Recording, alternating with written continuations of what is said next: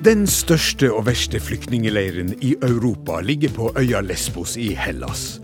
Og ordføreren på øya sier at den begynner å ligne på en konsentrasjonsleir der mennesker lever i fornedrelse. Hva skjer med flyktningene i Hellas og rundt Middelhavet?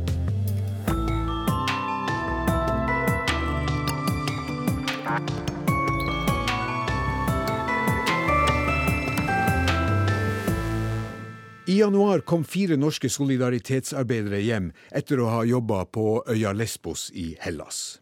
Alle er med i studio i dag. Her i Tromsø lege Anne Cecilie Tvetten.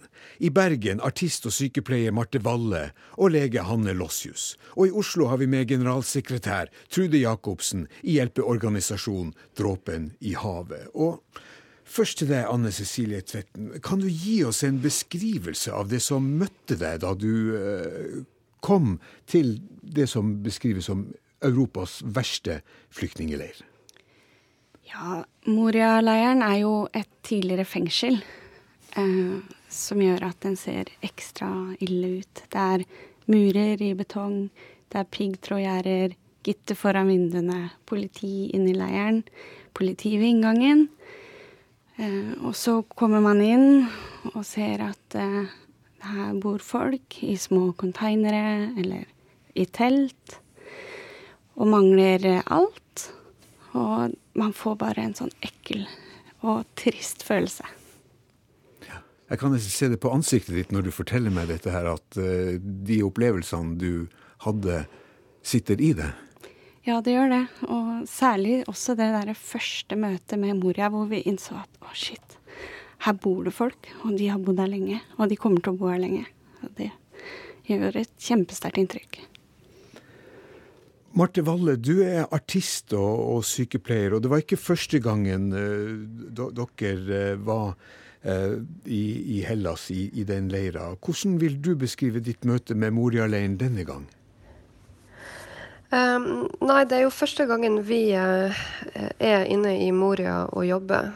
så det var jo veldig annerledes sammenligna med de andre gangene vi har vært i Hellas og jobba. Både fordi at forholdene inne i Moria er ekstreme, og også fordi at nå så bar menneskene veldig preg av at det har gått veldig lang tid. Mange har venta veldig, veldig lenge. Og det var en, en, en håpløshet som, eh, som lå over eh, de menneskene vi møtte, og over hele situasjonen. Hvordan eh, kom den håpløsheten til uttrykk?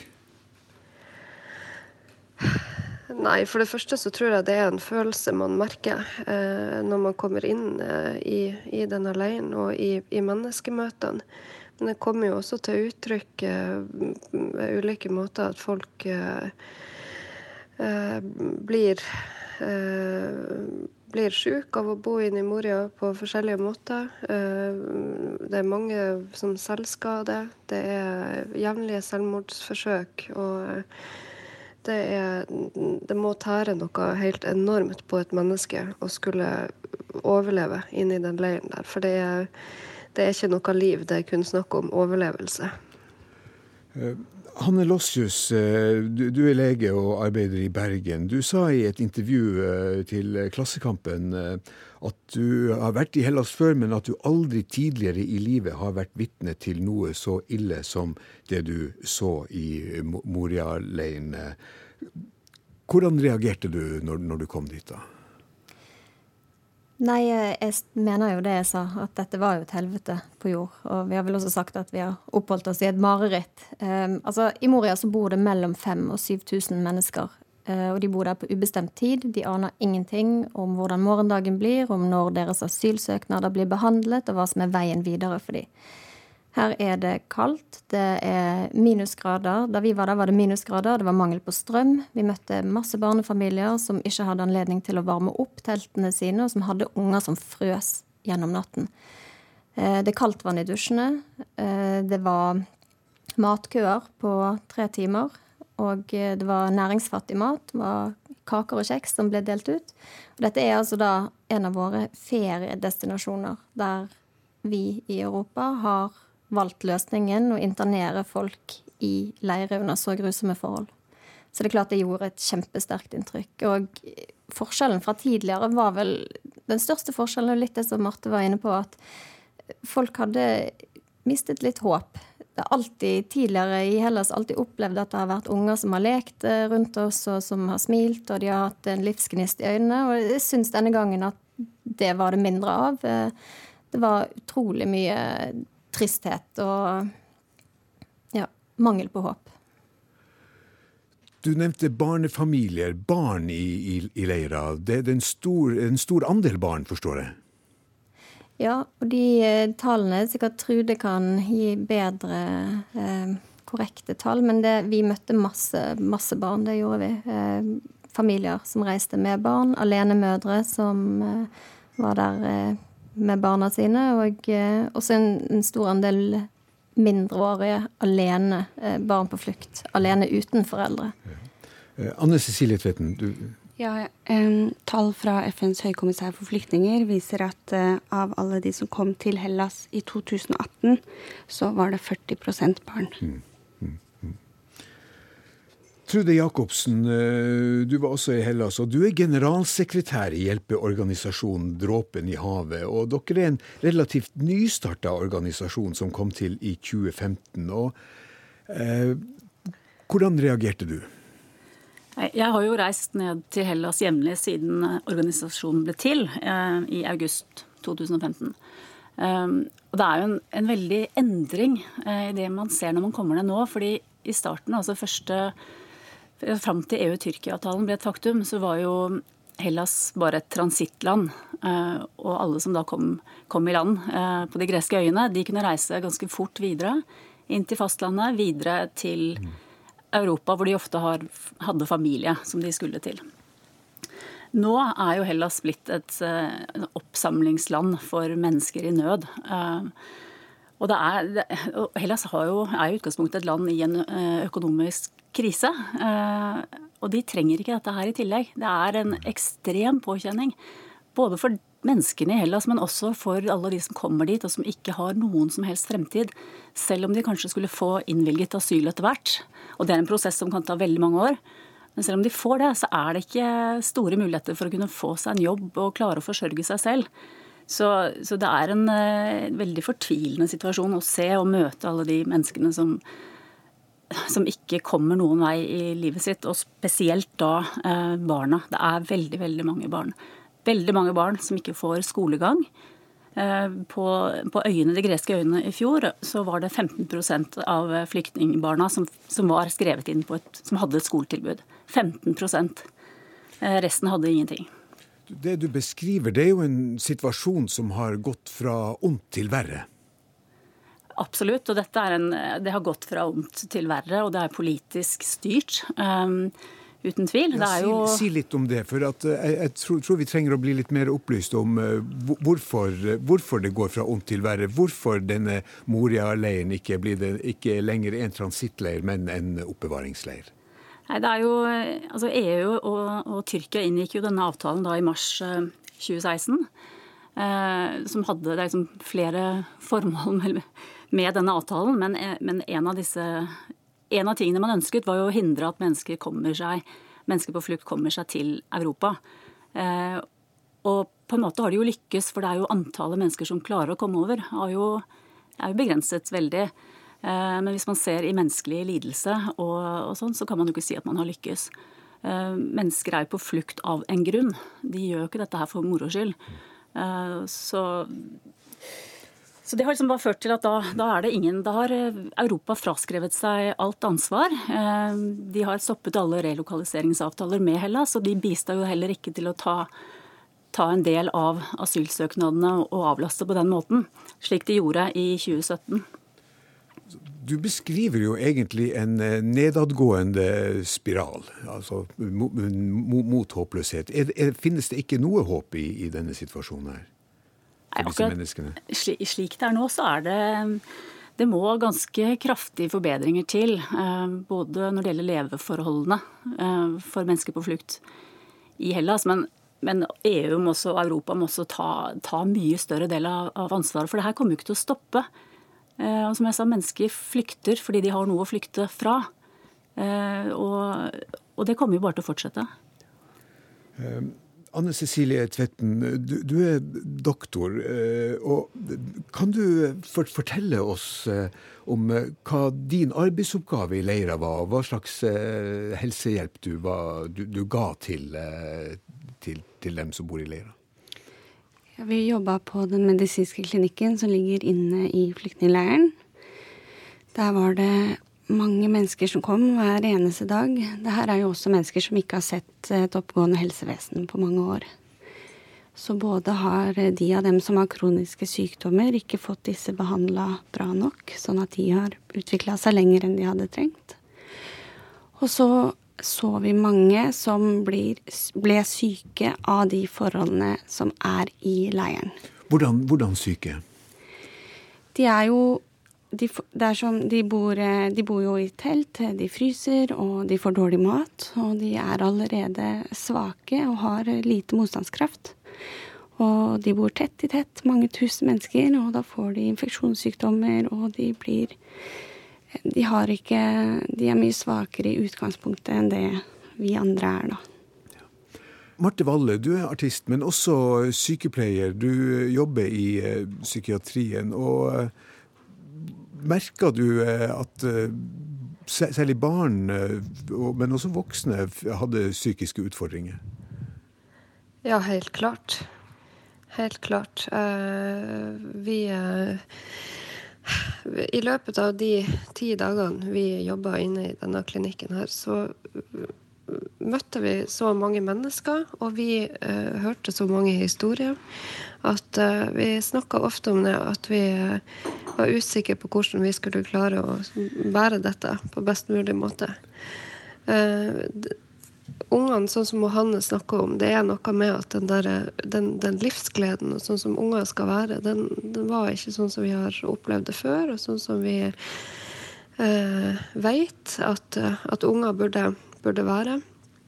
Det var masse mindreårige som jevnlig kom inn for sårstell pga. selvskading, fordi at de ikke holder ut den situasjonen de er i. Eh, det var historier om traumer som disse flyktningene har med seg fra, fra tidligere, som de skal finne ulike måter å, å klare å, å, bære når de er, lever inne i Moria. Eh, så, så sammenligna med hva vi gjør her hjemme for å hjelpe i psykiatri, hjelpe mennesker med traumer, og sånn, så er det helt uforståelig for meg at disse menneskene i Moria er forlatt til å klare seg sjøl. Og at ikke vi gjør mer for å hjelpe. Ja. Eh, du må forlate oss midlertidig, eh, Marte Valle. Du er, du er hjemme med, med, med, sykt barn. Men vi tar deg inn igjen mot, eh, mot slutten av sendinga. Eh, Hanne Lossius, eh, du er også eh, doktor. Kan du også fortelle litt hva din arbeidsoppgave besto i? Ja, vi hadde jo vakter hver dag fra ni til fem i, den eneste medisinske klinikken inne i leiren. Og det var en klinikk som var satt sammen av to konteinere. Ventearealet, altså det stedet der pasientene ventet i, for å komme inn til lege, det var utendørs. Um, all sånn triasjering, altså det betyr liksom når man skal uh, gjøre noen sånn første målinger og gjøre seg opp en mening om hvor mye det haster for hver enkelt pasient, og plassere de korrekt i køen, det ble gjort mm. utendørs. Og da husker jeg at det var sånn at jeg, jeg var så kald på hendene etter noen timer hvis jeg var ute og gjorde denne triasjen, at jeg hadde problemer med å skrive ned navnene deres. Og her satt det da altså syke folk eh, i av, eh, av, legetilsyn. Og eh, det var flere pasientmøter som gjorde enormt sterkt inntrykk på meg. Et av de var at det kom en mamma eh, som luktet bål.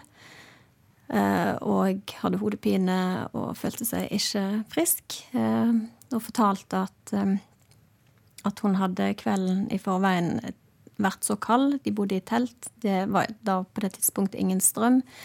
Og de hadde tent opp um, kull inni en sånn lukket container inne i teltet. Uh, og uh, når kull brenner uten tilstrekkelig oksygen, og det blir sånn at det oser, da, så, og man er i et lukket rom, så er jo det kullosforgiftning man kan få. og hun hadde jo symptomer på en mild til moderat kullosforgiftning.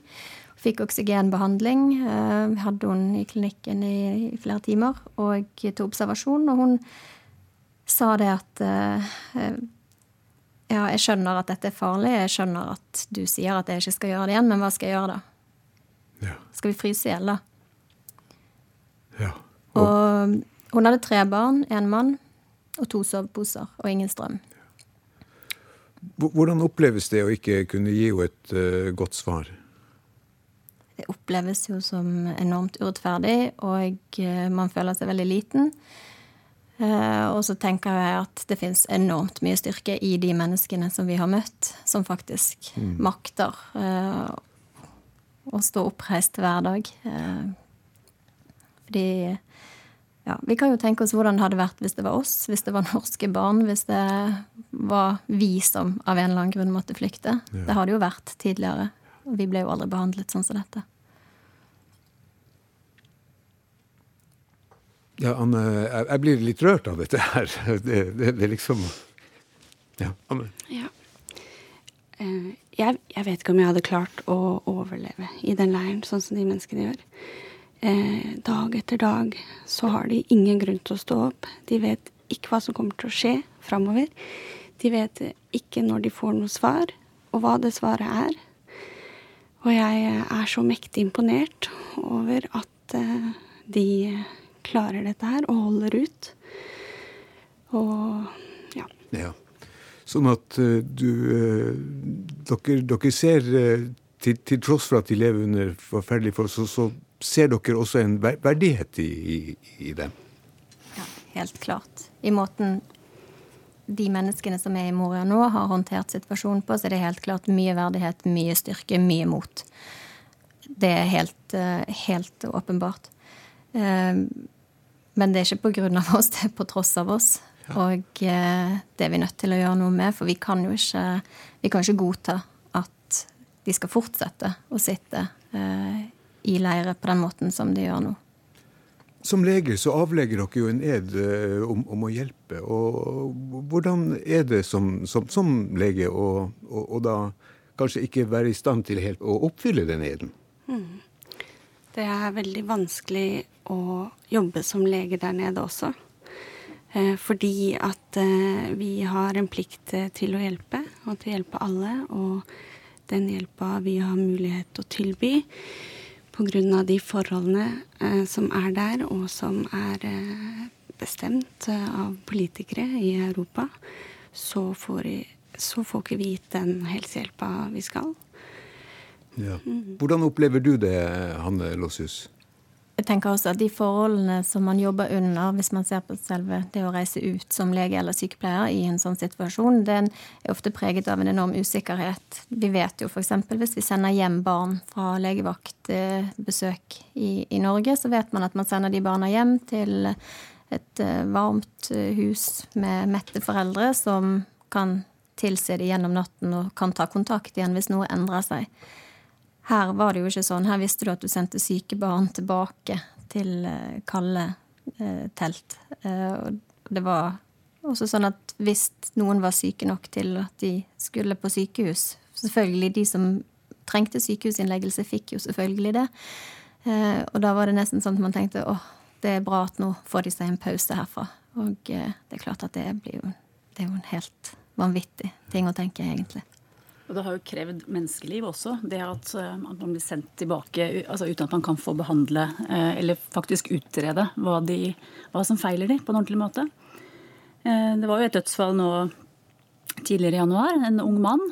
Nå vet ikke jeg dødsårsaken om den er klar, men det var jo også i fjor et tilfelle med en liten jente på fire år som hadde hadde smerter og hadde, vært, eh, hadde liksom blitt sendt av gårde med noe Paracet uh, uten å finne ut hva, hun, uh, hva som feilet henne. Og hun, hun, døde da i løpet av den første natten, etter at hun var sendt tilbake i teltet sitt. Mm. Det er kjempevanskelig det å også skulle behandle syke barn. Eller prøve å behandle dem, prøve å finne ut av hva som feiler dem. Og så Det er jo selvfølgelig det er ikke sånn at jeg har veldig høye forventninger til hva jeg skal få til som lege i en, en flyktningleir. Jeg vet at ressursene mangler, og at det, ikke er som på et norsk legekontor. Men eh, særlig det med at eh, de bare blir sendt hjem igjen inn, tilbake i teltet. Og selv om jeg sier 'kan dere komme tilbake i morgen', eller 'kom tilbake hvis du blir verre', så er eh, systemet det er så vanskelig for dem å få gjort det, og da må de sitte der ute i kulda i mange timer igjen på nytt i kø og ja. Per Christian Olsen spør hva skjer i NRK P2? Dagens tema tar utgangspunkt i den humanitære katastrofen i flyktningeleiren Moria i Hellas. I studio solidaritetsarbeiderne Hanne Lossius, Marte Valle og Anne Cecilie Tvetten og generalsekretær i organisasjonen Dråpen i havet, Trude Jacobsen. Jeg har snakka med Jan Egeland, generalsekretær i Flyktninghjelpen, som eh, en organisasjon som jo jobber i 30 land for å hjelpe flyktninger. Jeg spurte han hva er situasjonen i Middelhavet eh, akkurat nå?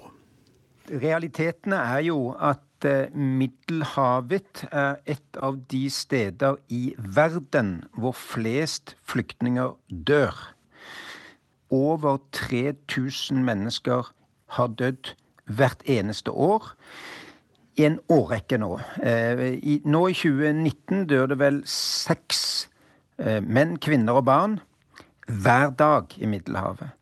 Eh, og det er desperate migranter, asylsøkere, flyktninger eh, som flykter fra undertrykkelse, eh, nød, sult, elendighet. Og fra krig. Så det er jo en gjennomført skandale at Europa, som sier at vi frambrakte edle sivilisasjoner, som tok initiativ til flyktningekonvensjonen da europeerne selv var flyktninger, vi var flyktninger etter andre verdenskrig, er de som begraver hele prinsippet om at man skal få søke beskyttelse i andre trygge land. Et, et gammelt prinsipp siden Jesus, Josef og Maria fikk asyl i Egypt for over 2000 år siden. Vi begraver det prinsippet. Det er helt utrolig at ikke det er en mye større sak i hele Europa, herunder i Norge, at, at Europa stenger grenser og bygger eh, murer og bygger piggtrådgjerder mot dem. Du som har holdt på med, med, dette her i så mange år, har du noen forklaring på hvorfor dette ikke går inn hos uh, europeere, som du sier? Det som skjedde i 2015, var jo at det kom mange. Et, et år kom det mange. Ikke, ikke, helt overveldende mange. Det kom en million. Eh, altså det kom like mange til Europas 35 land med 500 millioner innbyggere som det kom fra Syria til Libanon. Libanon er altså på størrelse med Rogaland fylke. Eh, Libanon tok eh, alene flere enn det Europa tok. I panikkåret 2015. Eh, det som skjedde da, var at godt, eh, godt eh, hjulpet av sensasjonalistiske medier, så fikk Europa inntrykk av at dette var helt umulig å kontrollere. Og så ble det nærmest en kollektiv reaksjon. Vi må stenge oss ute fra verden. Og siden 2015 har det altså blitt mindre og mindre forsøk på å redde menneskeliv i, i, eh, Middelhavet, de som prøver å komme seg over. Og de, de, må bruke Middelhavet, for det er ingen trygge andre veier å komme til Europa. Vi har ingen felleseuropeisk svar på dette. Eh, det var et svært svar da bankene skalv under bankkrisen. Det er ikke et tilsvarende svar når tusener av mennesker dør på vår dørterskel.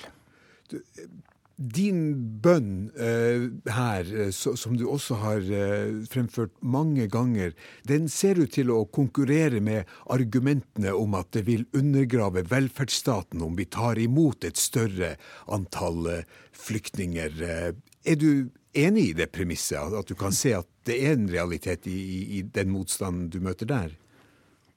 Nei, Det er jo sterkt uenig i. Eh, velferdsstaten, hvis den går til grunne, så er det fordi at vi ikke har innvandring samtidig som vår befolkning forgubbes eh, rekordaktig tempo. Det ville være bra for velferdsstaten at det kom flere mennesker her. Men det er jo ikke et velferdsargument, det er et menneskerettighetsargument. Eh, vi skal ta imot mennesker som er på flukt. De som er forfulgte, skal ha en mulighet til å søke om asyl. Jeg så du var kritisk til den eh, nye firepartiregjeringsplattformen eh, og, og, og, kommenterte at det var ikke riktig at 3000 eh, kvoteflyktninger er, er rekordstort. Og, og, føler du at du overfor norske myndigheter og europeiske myndigheter til en stor grad snakker for døve ører? Ja, altså, det virker som om, om, om det, det partiet og de politikerne som vil er, er mot enhver form for uh, beskyttelse av, av, mennesker i Norge, nå vinner fram. I strid med folkemeningen. Over 60% av nordmenn, ifølge eh, opinionsundersøkelser som er foretatt av forskere, over 60% sier vi skal ta imot flere flyktninger, for det er behov for det. Ja, Så du føler ja, at du altså, har folk i ryggen? Det er en, ja, vi som står for flere flyktninger, har folk i ryggen. Og når da den nye regjeringen sier det skal være tak på 3000, selv om det knapt kommer asylsøkere lenger til landet, da betyr det at Norge kommer i år kanskje til totalt sett å ta 5000-6000. Det er eh, under halvparten av det som har vært det historiske normalnivået for Norge Helt til slutt, Jan Egeland. Eh, frykter du at, eh, at, det skal bli en forverring av denne, denne situasjonen, eller ser du noen eh, løsning? Jeg tror det vil fortsette så ille som det er nå, framover. Eh, vi har lenge ønsket et europeisk initiativ. At Norge kunne ha et slikt initiativ, kanskje sammen med Sverige, som har vært et stort mottakerland. Norge har vært et stort bistandsland til eh, hjelpearbeid i nærområdene. Begge hadde hatt stor legitimitet til å gå til resten av Europa og si slik det er nå, kan det ikke fortsette. Vi må forholde oss til dette. Jeg, jeg selv eh, syns det er veldig bemerkelsesverdig at europeerne vil ikke forholde seg til døden ved våre grenser.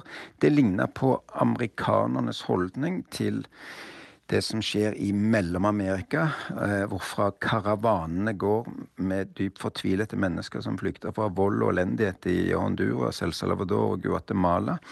Og så eh, mener man at hovedsvaret er å bygge en mur mot dem. Eh, Trumps mur. Den er fleste europeere mot, eh, men vi vil heller kritisere den muren enn å se på muren som vi selv bygger rundt Europa. Sa altså eh, generalsekretær i Flyktninghjelpen Jan Egeland. Og da har vi med oss Ove Trellevik, Høyres innvandringspolitiske talsperson. Vi hørte Jan Egeland si at det er bemerkelsesverdig at vi i Europa kritiserer Trumps planlagte mur mot flyktningstrømmen fra Mellom-Amerika, mens vi i Europa bygger vår egen mur rundt oss uh, sjøl. Har Egeland rett i at vi gjør oss blinde for katastrofen i Middelhavet? Jeg syns det var kraftig kost eh, Egeland, eh, Egeland kom, eh, kom, til her. Min opplevelse av det samarbeidet som pågår i EU nå, er, er positivt for å løse EU sine utfordringer. Dette er et tema som både EU og andre europeiske land er veldig opptatt av og har høyt på, på dagsorden. Og Vi har jo en helt annen tilnærming til dette i Europa enn en, en det som blir framstilt av, av Egeland her. Så jeg er ikke enig i den kritikken som kommer fram. Men det er jo et faktum at det kommer færre flyktninger til Norge og, og til, til EU-landene. Selv om flyktningstrømmen i verden totalt sett øker? Absolutt. Det er, er, mange mennesker på flukt i verden, 70 millioner. Og det er jo ikke nødvendigvis sånn at det er randsonen på Europa det er verst i denne verden heller, når det gjelder flyktningutfordringer. Eh, selv om mange fra Syria kommer til Europa via Hellas f.eks., og det er veldig dårlige tilstander i, eh, i flyktningleirene der, så er det faktisk enda verre f.eks. i leirene som er både nede i Jordan og Libanon.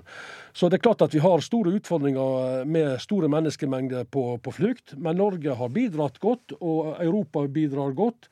Men det er selvfølgelig mye arbeid som gjenstår for å få lykkes med, med denne utfordringen. Men er det ikke bemerkelsesverdig at uh, dere politikere alltid er på kollisjonskurs med, med, med, de som jobber med disse problemene her? FNs høykommissær for flyktninger var jo i Norge, Filippo Grandi, og han kritiserte Europa, inkludert Norge, for å svare på denne flyktningkatastrofen vi uh, opplever med at Europa og no no Norge begrenser antall flyktninger som får komme hit til oss. Jeg hadde òg møte med, med, eh, med, vedkommende, skulle jeg si. Med generalsekretæren. Ja. ja, det hadde jeg. Og hele komiteen her på Stortinget hadde møte. Ja. og og han skrøt jo av Norge, Norges innsats for flyktninger. Både med integreringsstrategien integreringsarbeidet som vi gjør med de som kommer til Norge, men òg det vi gjør ute. Ja, men det var, ikke, sånn at, meget, det var ikke meget pluss dere fikk hos Det er sånn at han sa på det møtet at Norge er det landet i Europa som tar imot mest flyktninger per capita, altså per innbygger i Norge. Og det er vi som bruker mest penger per innbygger ute.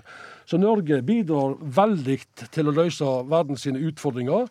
Eh, og ikke minst i, eh, med å prøve å hindre at mennesker eh, kommer på flukt. Men, men, jeg prøvde å si det var vel ikke akkurat meget pluss det sto på karakterkortet fra Grandi, FNs høykommissær for flyktninger? Vi satt igjen i komiteen med et godt inntrykk, men, men han ber oss jo selvfølgelig om å, å, å gjøre mer. Det skulle bare mangle med den utfordringen som, som, verden har. 70 millioner mennesker på flukt, men samtidig så er vi et lite land med, med bare noen få millioner innbyggere. Eh, så det er viktig at Norge gjør sitt. Det gir gode signaleffekter òg til andre land. Men Norge er et lite land, og vi kan altså ikke løse hele verden sine utfordringer. Nei, Det skulle bare mangle. Men, men, men eh, tallenes tale er jo klar. Flyktningstrømmen til Norge går ned. Flyktningstrømmen til Norge går ned, og, og, og godt er det, skulle jeg til å si. At, eh, at Hvorfor er det godt når flyktningstrømmen totalt i verden går opp? Fordi at vi må prøve å hjelpe i nærområdene. Vi bruker utrolig mye midler på, på, eh, på hjelp i nærområdene. Vi er oppe i over 5,5 milliard nå for å hjelpe folk i nærområdene. Og det er ikke slik at fordi man har utfordringer i ett land, så skal man reise til langt for å komme til neste, neste stoppested her i livet. Men Sa ikke du nettopp at, eh, at eh, nærområdene er overbelasta? Enkelte nærområder er overbelasta. Det er store utfordringer i mange land. Men, og Desto enda viktigere er det til å, å, å, hjelpe i nærområdene, og ikke minst i de landene som har utfordringer. Det å, å på en måte signalisere eh, en liberal politikk på dette området vil skape grobunn for enda flere mennesker på flukt. Så skal vi huske på det at, eh, at ca. 90% av de 70 millioner menneskene som er på flukt, er på flukt for å lete etter et bedre liv. Ikke fordi at de nødvendigvis er trua der de er, men de er på jakt etter et bedre liv.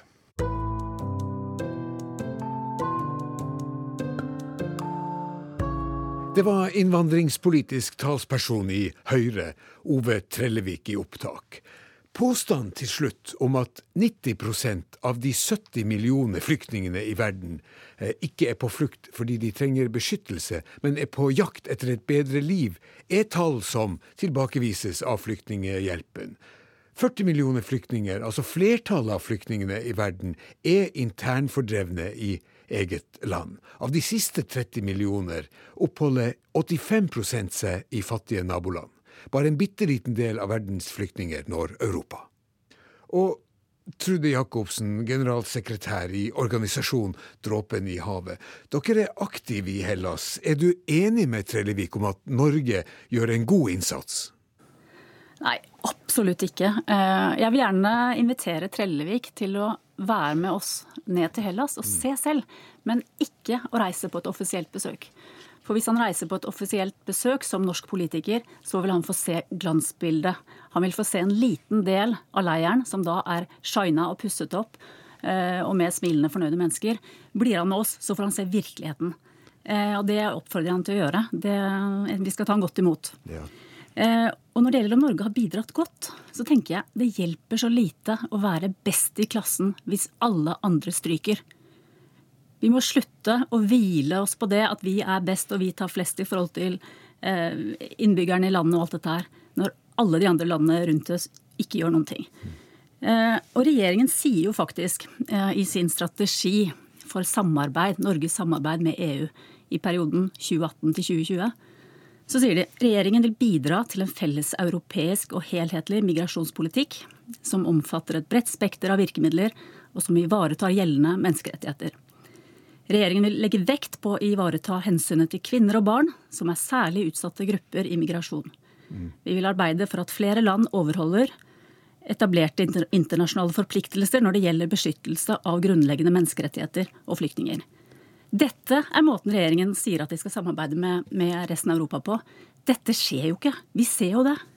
Hvorfor kan ikke Norge være de som tar initiativ? De sitter og venter på at alle andre skal ta første skritt. Norge kan gå foran. Norge er, har tidligere vært kjent som en humanitær stormakt, og nå må vi vise at vi fortsatt er det. Ja. Så da er du på linje med Jan eh, Egeland. Du, eh, Trude Jacobsen, du, du, har jo vært mange ganger i eh, Hellas og, og sett forholdene i flyktningleirene. Er noe av problemet her at uh, informasjon om hvordan situasjonen egentlig er, ikke når oss? Ja, Det er jo noe vi faktisk har sett uh, mer og mer av i det siste. Uh, at det er et ønske om at, for, at informasjon om forholdene ikke skal komme ut. Vi ser det godt ved offisielle Ikke skal komme ut? Ikke skal komme ut. Hvem ønsker at det ikke skal komme ut? Det er, eh, altså vi, vi ser jo i hvert fall fra, fra våre frivillige eh, at eh, deres bilder, innlegg, de deler kanskje på Facebook hvordan forholdene er, at de blir bedt om å slette dette her. Yes. Vi har hatt frivillige som har blitt stoppet på flyplassen når de skal reise hjem, og avhørt om hva de har gjort. Av, av greske myndigheter, altså? Ja. ja. Og vi har også, vi hadde jo, Det var en norsk avis som var på besøk der nede i forrige uke, som også ble tatt inn eh, til politiet og måtte slette det de hadde av bilder som viste. Og det var da utenfor Moria Camp, det var ikke inne i leiren engang. Eh, og de hadde da med seg en, en tolk som bor, som bor, der. Han måtte også slette alt han hadde fra, av bilder fra, fra teltet og omgivelsene der han selv bor. Dette høres jo ikke ut som rapport fra et demokratisk eh, land som eh, våre nære allierte. Nei, og dette er en veldig skremmende utvikling. Eh, altså Når de som lever under disse forholdene ikke engang selv får lov til å dele hvordan det er der, eh, så, så, begynner det å bli ganske kritisk. Mm.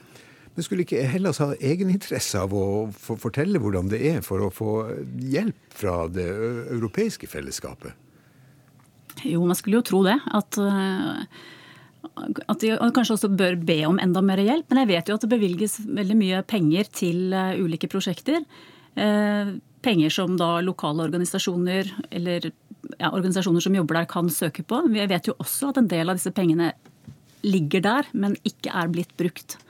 Jeg sier ikke at det blitt brukt til, av andre eller tatt av andre, men at de fortsatt står klare til å bli brukt, da, men at det ikke er benyttet. Så det er jo interessant, og Norge også som tror de bidrar med mange mange millioner eh, til arbeidet der nede. Så det jo, hadde det vært interessant å virkelig fått en rapport tilbake også. Hvordan er midlene, og er alle midlene benyttet, og hvordan er de benyttet?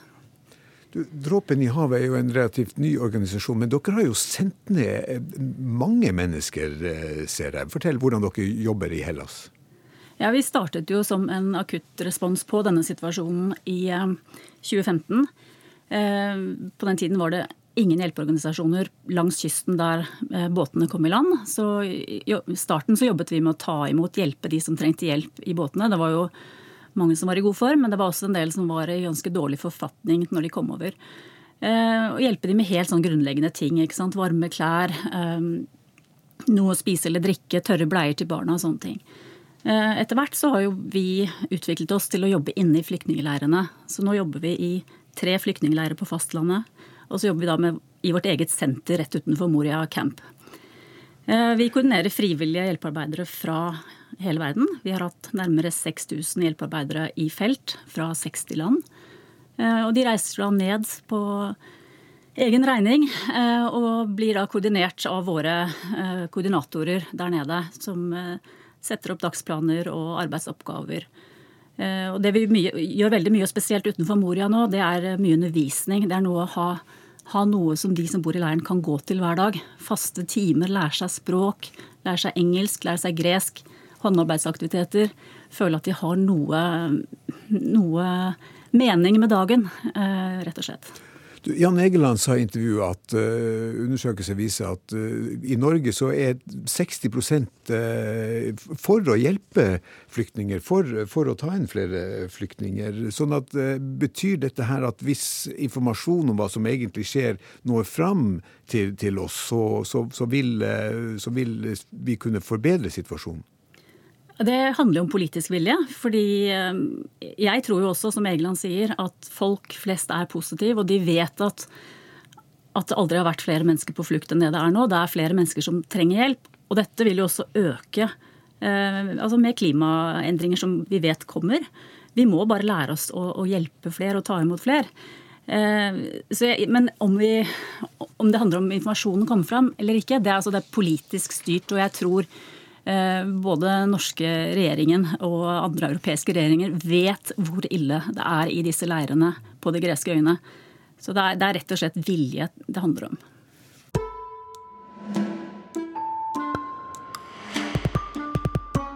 Jeg har også snakka med Philip eh, Lote, som er NRKs eh, europakorrespondent. Og eh, jeg sa til han at vi tidligere i programmet har hørt at FNs høykommissær for flyktninger anslår at i 2019 så vil flyktningstrømmen bare øke.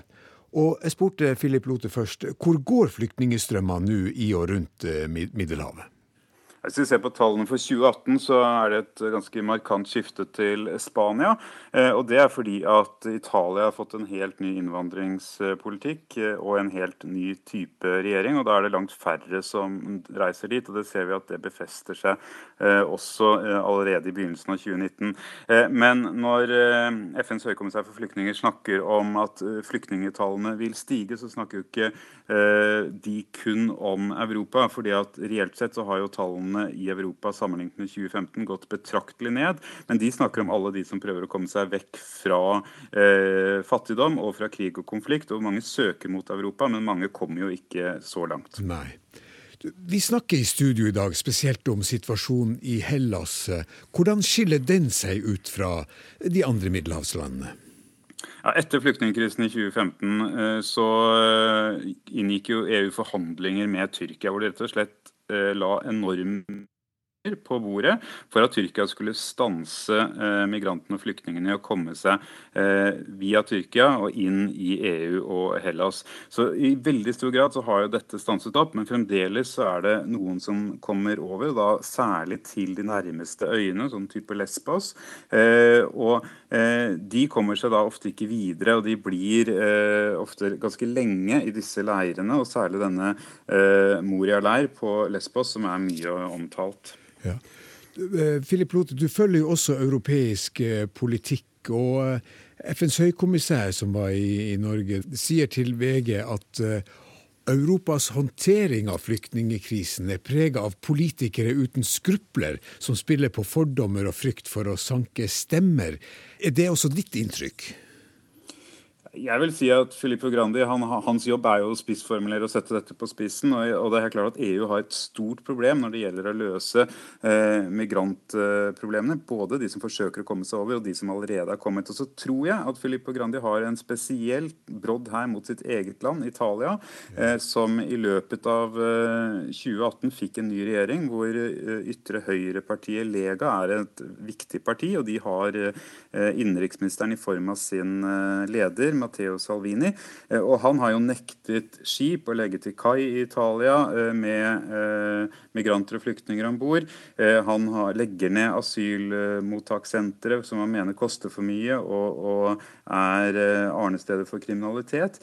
Og det har gjort at det nå er langt færre som prøver å komme til Italia. så han Sånn sett er politikken effektivt, men han er vel også en av de som da eh, Filippo Grandi mener spiller på frykt og, og, og gjør situasjonen farligere. Fordi Det er jo et faktum at eh, tallet på, på flyktninger og migranter som kommer til Europa, har gått vesentlig ned. Eh, særlig da etter at EU inngikk denne avtalen med, med Tyrkia.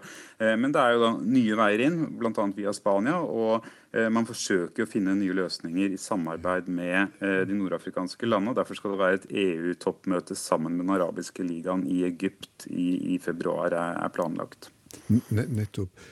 Når du reiser rundt i Europa og, og snakker med folk, Er ditt inntrykk av at flyktningkrisa, flyktningkrisa er et betent tema i EU, også ute blant folk? Absolutt et betent og viktig tema, og folk er veldig delt i synet på asylsøkere migranter og, og, og flyktninger. Eh, og Tyskland tok imot mange, og det var en av grunnene til at ytre høyrepartiet Alternativ for Tyskland har gjort det så, så bra der. Eh, det er helt klart en grunn til at eh, Lega eh, og femstjernersbevegelsen fikk såpass stor oppslutning at de klarte å danne regjering i Italia. Men så er det også mange som reagerer på spissformuleringen og, og denne dyrkingen av fremmedgjøring og fremmedhat, og tar avstand fra den. Og jeg tror vi kommer til å se at spørsmålet om migranter og asylsøkere blir et veldig stort og viktig tema i valget på nytt EU-parlament i mai. Og det er en enorm styrkeprøve for de tradisjonelle partiene. og Det er derfor også når EU prøver å presse på for å få til løsninger. Men de prøver da på en måte å begrense strømmen av migranter og flyktninger til Europa, samtidig som de prøver å gjøre det på en human måte. Så de er jo ikke enig i denne kritikken fra Filippo Grandi sett fra Brussel sitt ståsted. Eh, men det er helt klart at det er veldig vanskelig å både stanse migrantene og flyktningene, og samtidig behandle de på en så human måte som mulig. Du har fulgt flyktningekrisen flyktningkrisen i mange år, eh, Lote. Ja, absolutt. og Det vi skal huske på, er at forholdene på Moria, i Moria leir i Hellas får kanskje med god grunn mye oppmerksomhet. Og de bør være langt bedre hvis man skal gi folk et et minsteminimum hva de har krav på når det gjelder sosial trygghet, helsetrygghet og, og, og, trygghet for sitt eget liv. Eh, men når man forteller om ungdom som sitter og selvskader seg i disse leirene, så skal man huske at dette også har vært situasjonen i, i norske asylmottak. I 2011 så bodde jeg en uke som journalist-reporter eh, i et mottak like ved, på Heimli, like ved Finnsnes. Eh, og Der satt afghanske gutter og skar seg opp eh, og skadet seg selv mens de ventet på asylsøknadene skulle bli behandlet. Så Man skal bare huske på at eh, asyl-, migrant-, flyktninghistoriene de er ikke pene uansett. Og Det som kanskje er en utfordring for EU og, og regjeringer i Europa, er at man får jo de regjeringene som folk velger, og så ønsker mange en strengere eh, flyktning- og migrantpolitikk. Eh, og så ser man en annen vei, eller syns det er ubehagelig om man blir konfrontert med det. Eller så syns man faktisk kanskje at dette er greit, at det er det som må til for at man skal kunne få kontroll over strømmen av migranter og flyktninger. Så det viser jo hvor komplekst det er. Det var Philip Lote fra Antwerpen. og Hanne Lossius, du beskrev i innledninga til programmet situasjonen du så i Hellas som et helvete. Og vi, vi hører jo her også Philip Lote si at uh, løsninga må, må, jo være politisk, men det er tvil om viljen i Europa til å gjøre noe med situasjonen. Har du gjort deg tanker om hva slags politisk og etisk utfordring vi står overfor i Norge? Ja, jeg tror at eh, hvis man tar debatten tilbake på et nivå eh, som er preget av verdighet og medmenneskelighet, framfor å snakke om også de, eh, flyktningkrise, migrantkrise, Europas utfordring, alle disse måtene å ordlegge seg på som jeg mener ikke hører hjemme her i det hele tatt, så tror jeg at folk forstår bedre, og da håper og tror jeg òg at folk velger annerledes. For det er sant som har blitt sagt her nå, dette er jo en, det er en folkevalgt politikk.